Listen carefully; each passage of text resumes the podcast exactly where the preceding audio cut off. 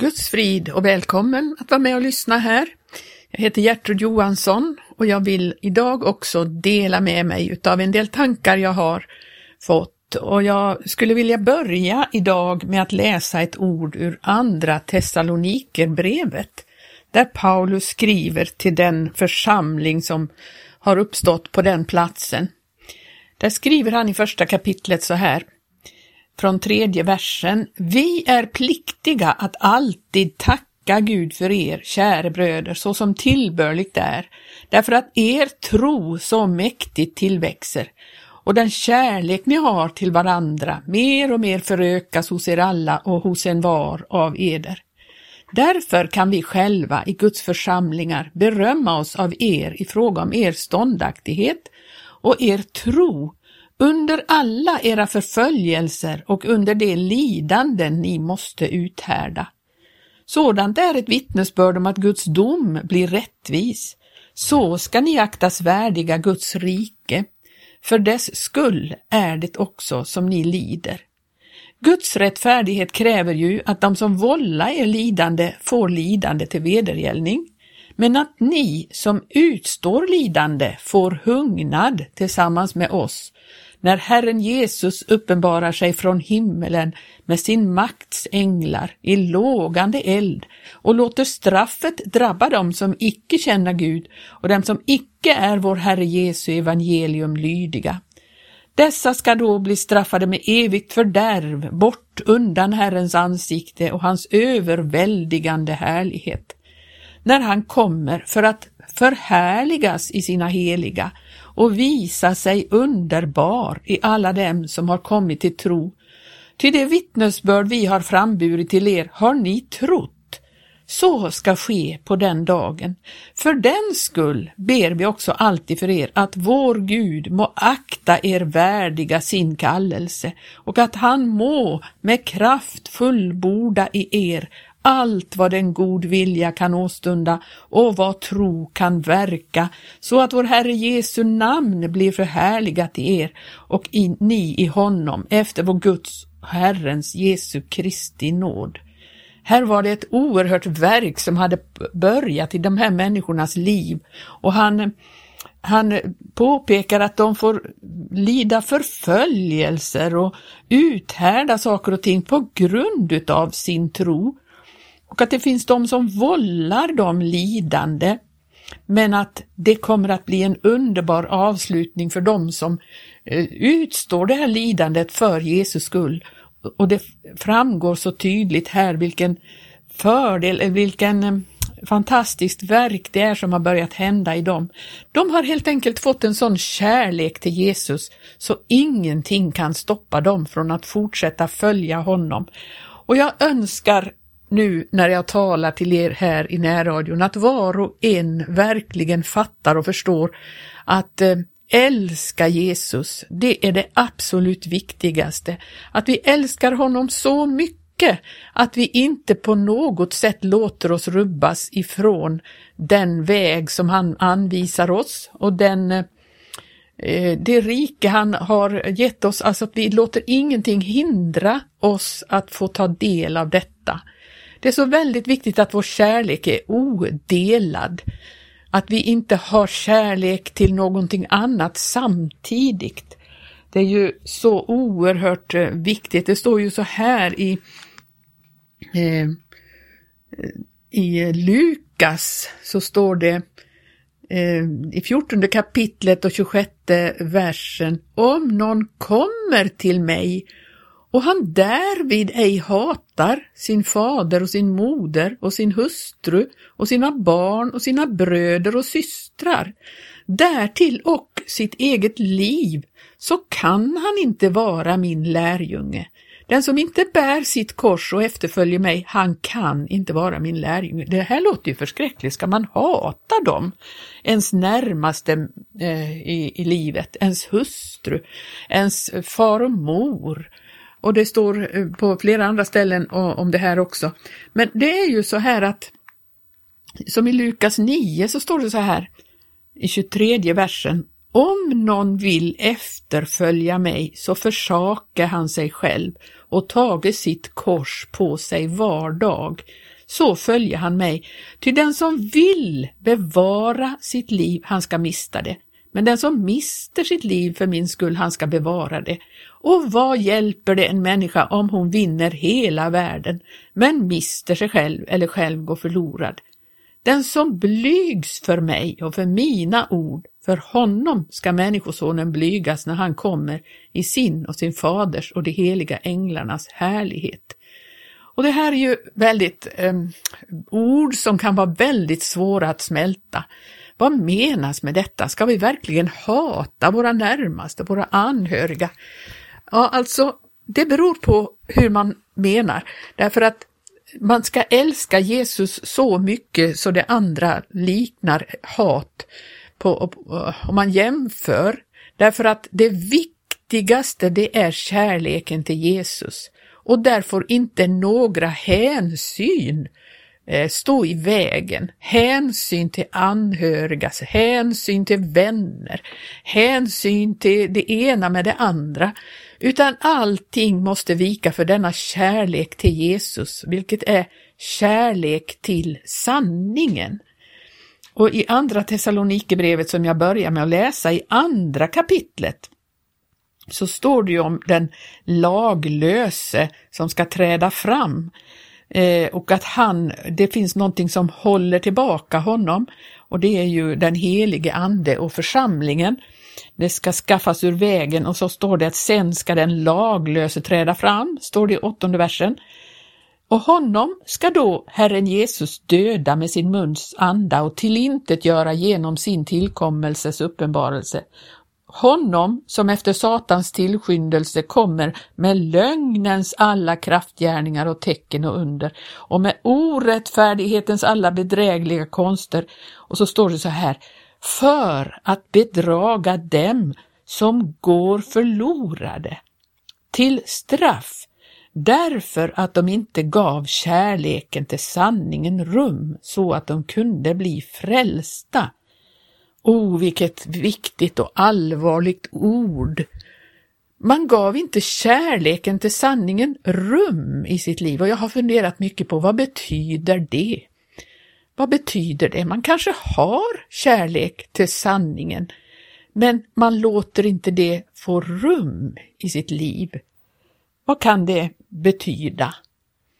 Jo, det kan betyda att man helt enkelt inte säger någonting eller man kanske inte vill göra det som man vet att man borde, man vet vad sanningen säger, man vet vad Guds ord säger, men man gör det inte därför att man vill inte stöta sig med människor.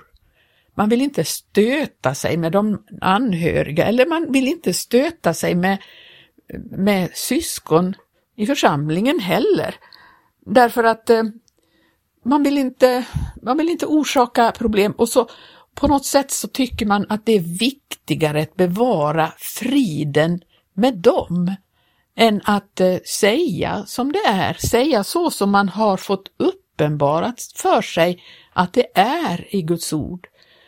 Och det där är så fruktansvärt viktigt. Jag undrar hur många kristna det är som verkligen fattar de här sakerna. Jag tror att det är inte många jag, jag kan inte döma av människor och deras liv och deras kristna liv, det kan jag inte göra. Tack och lov för det, det är Gud som dömer, det är han som ser det innersta hjärtat. Men jag tycker det ser ut som att det är väldigt få som verkligen vågar stå upp för sanningen i olika frågor. Och, och så undanhåller man sanningen för att hellre bevara en fred eller en frid. Vi ska titta i Johannes. Där står det så här. Ehm, där står det i Johannes 12 och eh, 42 versen. Där står det så här, dock fanns jämväl bland rådsherrarna många som trodde på honom, men för fariseernas skull ville de inte bekänna det, för att de inte skulle bli utstötta ur synagogan. Och så kommer ett väldigt viktigt ord. Ty de skattade högre att bli ärade av människor än att bli ärade av Gud. Så fruktansvärt.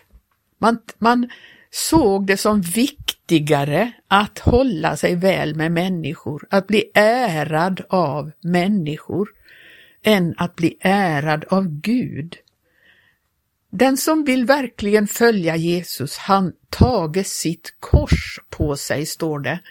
Och det att taga sitt kors på sig, det är ju det här med att, ja, att komma i konflikt ibland eller eh, mista, man kan mista både vänner och eh, ja, många syskon kan man mista på vägen om man verkligen vill stå för sanningen. Men då tycker man det är viktigare att bevaras i frid med dem. Man vill hålla sig väl med allt och alla. Det är väldigt farligt att tänka så. Paulus gjorde inte det. Han hade erfarenheter av att eh, ja, han var tvungen ibland att ta itu med saker Eh, I Galaterbrevet 4 så säger han så här i sextonde versen. Så har jag då blivit er ovän därigenom att jag säger er sanningen. Man söker med iver att vinna er för sig, men inte med en god iver. Nej, de vill avspärra er från andra för att ni med så mycket större iver ska hålla er till dem. Och så vidare. Men han var tvungen att säga sanningen till dem och då blev han deras ovän. Tänk att han fick uppleva det. Han fick ju uppleva till och med att människorna övergav honom. I andra Timotebrevets eh, fjärde kapitel står det så här eh, i sextonde versen. Vid mitt första försvar inför rätta kom ingen mig till hjälp, utan alla övergav mig. Må det inte bli dem tillräknat. Tänk att ingen vågade stå bredvid Paulus där och st stå upp för hans sak därför att man var, man var eh, försagd och blyg och vågade inte riktigt stå för sanningen. Tänk att det är så fruktansvärt viktigt att stå för sanningen därför att man älskar sanningen högre än att hålla sig väl med alla människor. Nu menar jag inte att man ska gå omkring och bli osams med alla människor. Man ska naturligtvis ha en omsorg om dem och en värme och kärlek till dem så de upplever att det är det det handlar om. Men man ska inte sticka under stol med det som man vet är rätt och sant, för det kan också hjälpa dem. Och då håller man sig närmare Jesus. Det är ju så här att får vi lida för Jesus skull så får vi också tröst genom honom. Nu har jag inte eh, Eh, tittat fram det, men jag tror det står i Kolosserbrevet har jag för mig. Det här ordet. Att man, eh, nej det kanske inte var där. I alla fall så, så var det så här att det står om, om vi får lida med Kristus, då får vi också tröst genom honom. Det är ju så fantastiskt att då har vi ju honom så nära i hjärtat att vi blir tröstade på samma gång som vi eh, som vi gjorde, det står ju naturligtvis i andra Korinthierbrevet. Eh, I första kapitlets femte vers, där står det ty så som Kristus lidanden till överflöd kommer över oss, så kommer också genom Kristus tröst till oss i överflödande mått. Men drabbas vi av nöd så sker detta till tröst och frälsning för er. Undfår vi däremot tröst så sker också detta till tröst för er. En tröst som ska visa sin kraft däri att ni ståndaktigt uthärdar samma lidanden som vi utstår och det hopp vi hyser om er är fast. För vi vet att så som ni delar våra lidanden så delar ni också den tröst vi undfår. Det är ju så här att vi får tröst genom Kristus. Har vi däremot förnekat eller inte vågat stå för sanningen riktigt, ja men då har vi också Kristus Jesus på avstånd i våra liv. Och då får vi inte den trösten eller den närheten till honom. Det är väldigt viktigt att vi bevarar närheten till Jesus och att inte vi viker tillbaka när det handlar om någon fråga där vi är helt övertygade om vad Guds ord säger. Vi måste kunna våga stå för sanningen. Människor var ju eh, försagda och blyga. Det var ju eh, Johannes 3 så ser vi ju det här om, om eh, Nikodemus, som det står att han kom till Jesus om natten. Johannes 3 eh, från första versen. Men bland fariseerna var en man som hette Nikodemus, en av judarnas rådsherrar. Denne kom till Jesus om natten och sa till honom, Rabbi, vi vet att det är från Gud du har kommit såsom lärare, ty ingen kan göra sådana tecken som du gör om inte Gud är med honom. Och då säger Jesus, sannerligen, sannerligen säger jag dig, om en människa inte blir född på nytt så kan hon inte få se Guds rike. Och så undervisar han Nikodemus om frälsningens väg. Han var blyg och försagd så han gick till Jesus om natten, men han gick till Jesus i alla fall.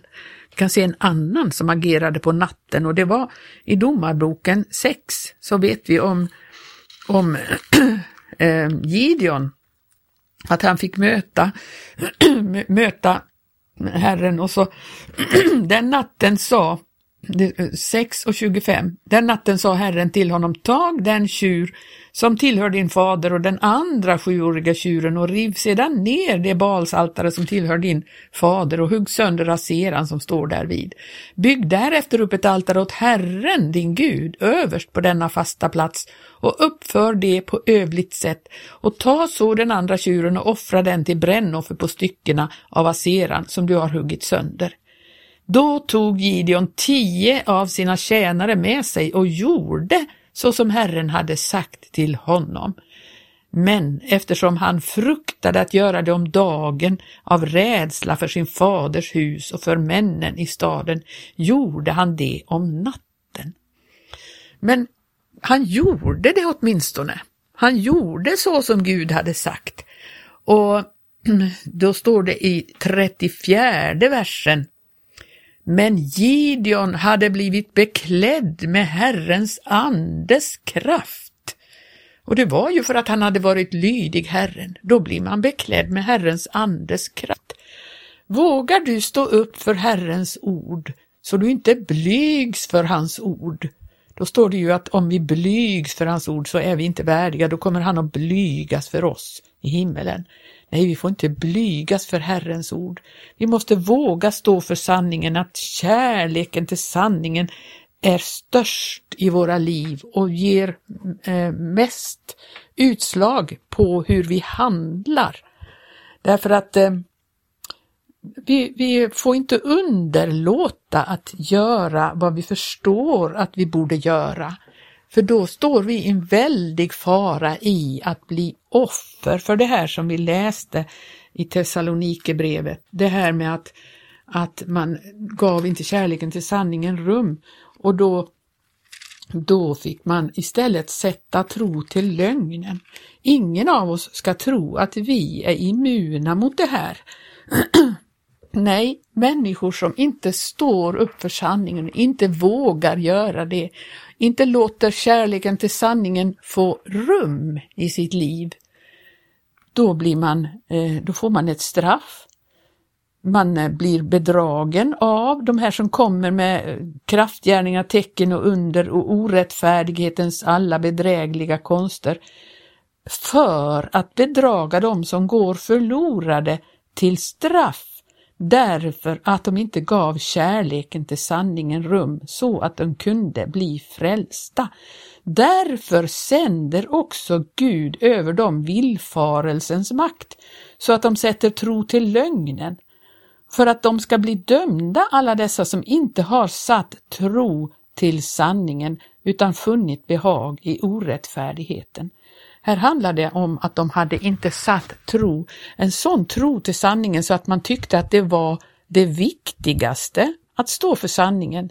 Nej, det viktigaste det var att bli ärad av människor, att eh, inte komma på, i konflikt med människor, att eh, bevara på något sätt en slags eh, trevlig anda och samtalsnivå för människor som faktiskt man borde ta avstånd ifrån på grund av att de eh, eh, sysslar med det som inte vi tror på, det som inte vi eh, står för.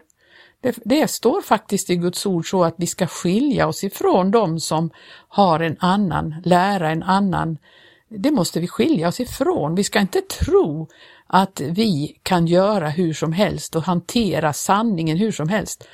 Låter inte vi sanningen få rum i vårt liv så att vi blir, eh, vad ska man säga, utsatta för samma situation som både Jesus och Paulus och andra som ville stå för sanningen.